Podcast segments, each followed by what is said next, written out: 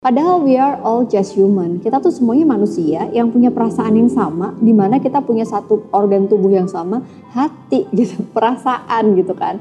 Artinya pada saat limbik uh, prefrontal cortex atau amigdala yang sering aku sebutin itu sama dimiliki oleh manusia, maka reaksi alami kita adalah merespon secara emosional. Nah, apa sih kaitannya pada saat kita memenuhi ekspektasi kita ini terhadap diri sendiri?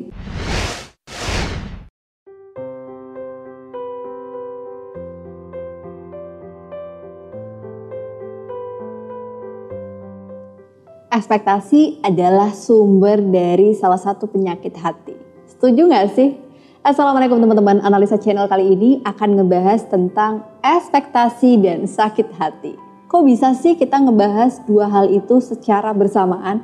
Gini nih teman-teman, saat kita menaruh ekspektasi sama seseorang, tanpa disadari kita tuh kayak harus siap dengan salah satu konsekuensi kalau kita akan kecewa sama orang itu.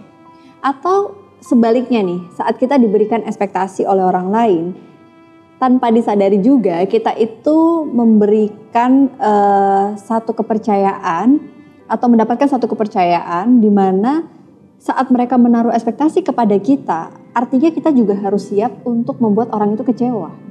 Karena dalam setiap relasi kita itu akan selalu dipengaruhi oleh satu cara kerja yaitu hati hati manusia siapa yang tahu sih? Kadang kita ngomong nggak apa-apa nggak apa-apa. Tapi sebenarnya di dalam hati kita punya perasaan yang menaruh ekspektasi tertentu pada orang lain. Ketika kita terus terdorong dan terbawa arus untuk memenuhi ekspektasi orang lain tanpa disadari akhirnya kita itu jadi kayak semacam hidup dengan auto untuk punya tugas dalam keseharian kita memenuhi mereka supaya mereka happy dan memenuhi ekspektasi mereka juga ini sebenarnya bukan terjadi hanya pada sosok public figure, influencer, artis, selebriti, bukan. Dalam setiap relasi kita sesama manusia, karena manusia itu punya satu kebutuhan dasar sebagai makhluk sosial, kita itu kayak punya satu kebutuhan yaitu need to belong. Kita tuh ngerasa kayak nggak mungkin kita kalau hidup sendiri di dunia ini. Nah, kenapa sih ini bisa terjadi? Karena gini nih, contoh misalnya ya, kalian tuh seorang atasan atau seorang partner kerja untuk tim kalian deh di kantor. Kalau kita jadi bos, kita jadi atasan, tanpa disadari ternyata kita itu mendapatkan satu kepercayaan untuk bisa ngelit tim kita. Tapi ternyata itu nggak mungkin terjadi pada setiap relasi yang kita tuh menyenangkan semua orang.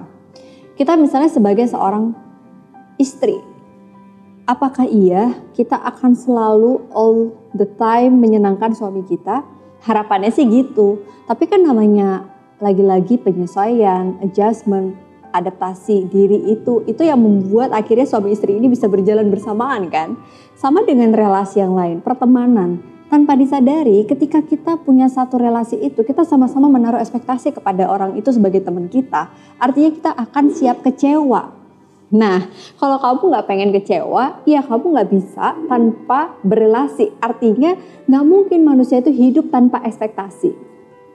Saat kita merangkul kesalahan kita maupun kekurangan kita sama diri sendiri, ini sebenarnya bisa menjadi salah satu kunci supaya kita bisa berdamai sama ekspektasi diri yang diberikan oleh orang lain maupun diri kita sendiri. Contoh gini ya teman-teman, aku pernah dengar salah satu um, public figure yang belum lama ini aku lihat di YouTube Bunga Citra Lestari waktu itu dia cerita dan aku tuh kayak tahu banget waktu BCL lagi ditinggal sama uh, Asraf gitu. Itu kan kayak aku juga ikut sedih banget ngelihat mereka yang selalu berdua gitu kan. Terus tiba-tiba BCL itu kalau kita lihat Kak Unge ini tuh kayak setahun lebih dia berdamai sama situasi kehilangan grieving story yang aku yakin itu pasti nggak mudah untuk seorang istri yang ditinggal suaminya meninggal dunia dan waktu itu dia cerita bahwa untungnya dia itu sudah melakukan self healing terapi selama 13 tahun uh, dengan salah satu terapisnya. Nah, kalau aku lihat di dalam cuplikan obrolan dia di YouTube, saat dia menceritakan self healing yang dia lakukan itu sebenarnya adalah salah satunya adalah untuk membuat dia berdamai sama situasi ketika dia menjadi selebriti. Aku ngebayangin sih, tanpa disadari selebriti itu kan dibanjiri oleh ekspektasi, ujian, disanjung, jadi role model yang kayaknya kelihatannya wow you look so perfect di kaca apa ya di layar kaca atau di mungkin sekarang di media apa pun secara digital. Tapi sebenarnya kita nggak pernah tahu gitu part di mana orang ini juga sebenarnya lagi ngedrop dan kecewa. Kalau kita terus menerus hidup dengan ekspektasi yang diisi oleh pujian-pujian dan harapan-harapan orang lain ini secara berlebihan, efeknya adalah kita jadi punya waktu yang sedikit untuk mendengarkan sisi negatif diri kita yang kita lihat oleh diri kita sendiri gitu. Itu kalau Kak ya, tapi kayak aku melihat ke diriku deh sebagai seorang psikolog. Kita tuh punya ekspektasi uh, terhadap diri. Oh, aku sebagai mental health practitioner, jadi kayaknya aku harus sehat secara mental orang lain melihatku sebagai psikolog analisa ini kayaknya harus bebas stres gitu. Nggak boleh ada part di mana dia tuh cemas panik gitu. Padahal we are all just human. Kita tuh semuanya manusia yang punya perasaan yang sama di mana kita punya satu organ tubuh yang sama hati gitu perasaan gitu kan. Artinya pada saat limbik uh, prefrontal cortex atau amigdala yang sering aku sebutin itu sama dimiliki oleh manusia maka reaksi alami kita adalah merespon secara emosional Nah, apa sih kaitannya pada saat kita memenuhi ekspektasi kita ini terhadap diri sendiri? Bayangin teman-teman, mungkin 10 tahun kita hidup dengan peran-peran sebagai seorang kakak, sebagai seorang adik, sebagai seorang anak, sebagai seorang partner dalam rumah tangga, sebagai seorang atasan dan apa pun peran-peran kita. Tanpa disadari, sanjungan, harapan, ekspektasi orang ini kita internalisasi sehingga kita lupa bahwa kita juga manusia biasa yang tidak sempurna. Pada satu ketika ada aja orang yang tidak bisa sesuai ekspektasi kita atau mungkin kita tidak memenuhi ekspektasi mereka. Akhirnya konflik terjadi. Dan pada saat kita tidak bisa memberikan apa yang orang lain inginkan dalam diri kita, contoh public figure, pada saat dia menunjukkan sisi lemahnya, dihujat sama netizen. Pada saat seorang kakak yang terlihat tegar, tiba-tiba dia hancur gara-gara satu kesalahan, kemudian tidak mungkin dia akan ditinggalkan oleh adiknya atau mungkin keluarga besarnya.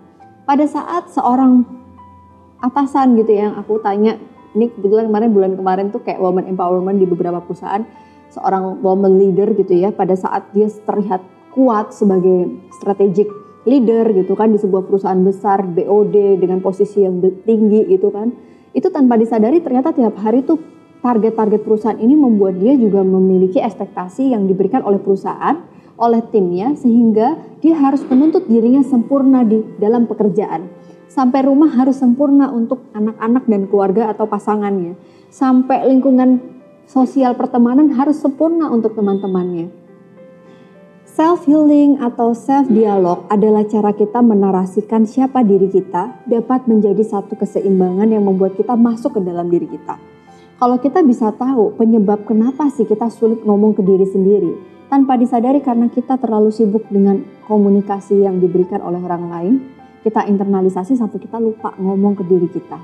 Kita jadi nggak tahu biasnya si diri kita tuh apa sih kekurangan kita, kita nggak akan pernah tahu, nggak pernah merangkul kelemahan dan mungkin kerapuhan kita karena di dalam kepala kita atau di depan diri kita kesempurnaan yang diberikan oleh label-label dari orang lain, ekspektasi orang lain itu tuh seolah kita internalisasi bahwa saya sempurna. Tanpa disadari pada saat kita melihat sisi lemah kita, kita tuh kayak ngerasa hancur banget gitu kan. Aku pernah ada di poin itu. Dan apa yang aku lakukan teman-teman? Akhirnya menarasikan lagi siapa diri kita, kita mengajak ngobrol. Oh, ternyata dengan self dialog yang menjadi healing aku untuk melihat sosok analisa lima tahun yang lalu. Dia tuh pernah serapuh ini loh.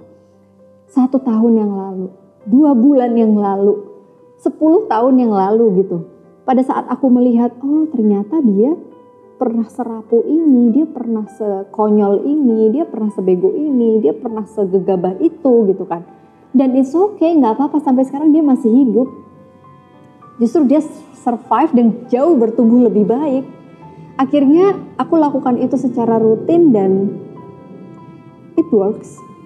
Kayak ngerasa lebih nggak fragile aja kalau ada orang yang nggak sesuai sama kita kalau ada orang yang contrary sama kita, kalau ada orang yang bersinggungan sama kita, kita jadi nggak fragile lagi untuk menerima sesuatu secara impulsif dan emosional. Nah, kalau teman-teman terjebak dalam perangkap ekspektasi yang dibuat oleh orang lain dan menghabiskan energi kita untuk memenuhinya, hati-hati teman-teman, bisa-bisa hidup kita terperangkap dan kita merasa tidak nyaman. Banyak di antara kita karena pengen nyaman, akhirnya kita sekuat tenaga justru memenuhi ekspektasi orang-orang lain. Tapi yang perlu diingat adalah kenyamanan untuk diri kamu sendiri. Orang lain akan merasa nyaman ada di dekatmu pada saat dirimu nyaman terhadap dirimu sendiri. Karena bisa-bisa memenuhi ekspektasi sama saja meracuni diri kita. Well, teman-teman, di analisa channel kali ini apa sih yang pengen aku sampaikan supaya teman-teman tidak ada dalam posisi terus menerus memenuhi ekspektasi mereka. Satu, hindari menyalahkan diri sendiri. Ya, ini yang paling mungkin sering kadang-kadang kalau kita lagi keliru, kita nyalahin diri kita terus. Gak apa-apa, kita salah itu adalah posisi di mana mungkin kita belum benar aja dan kita menuju benar yang kedua, pada saat kita memang merasa belum nyaman untuk ketemu dengan orang yang memberikan ekspektasi dan terang-terangan mengatakan kecewa sama diri kita, hindari untuk bertemu dengan waktu yang mungkin bukannya kita silent treatment ya, tapi lebih ke oke, okay, kita butuh step back untuk melihat lagi boleh nggak sih kita kecewa sama diri sendiri dan pernah nggak sih kita ngalamin situasi itu? Kalau pernah kita nggak apa-apa kan sekarang? Artinya pada saat besok ketemu orang itu kita sudah lebih fine dan merangkul imperfection kita karena sebenarnya perfection adalah bagaimana kita bisa merangkul imperfection atau ketidaksempurnaan kita sendiri. Dan yang paling penting adalah hindari untuk dirimu menyendiri terlalu lama pada saat dirimu belum bisa memenuhi ekspektasi orang lain. Gak apa-apa, kita manusia biasa yang butuh manusia lainnya tanpa harus memenuhi ekspektasi satu sama lain. Jadilah dirimu, dengarkan true voice yang kamu punya, core values apa yang kita miliki, dan adjust itu dengan value-value sosial yang ada di sekitar kita.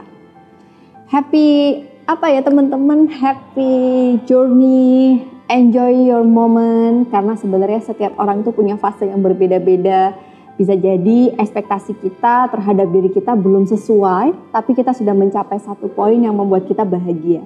Bisa jadi kita belum bisa memenuhi ekspektasi orang lain, tapi kita bisa memberikan satu hal yang positif untuk mereka. Dan artinya kalau ada orang yang membuat kamu kecewa sekarang, it's okay, nggak apa-apa. Tetap dibaikin ya, karena bisa jadi kita belum tentu menyenangkan semua orang juga. Thank you teman-teman udah selalu nonton Amsa Channel dan semoga bisa menginspirasi terus di episode berikutnya. Bye-bye, Assalamualaikum.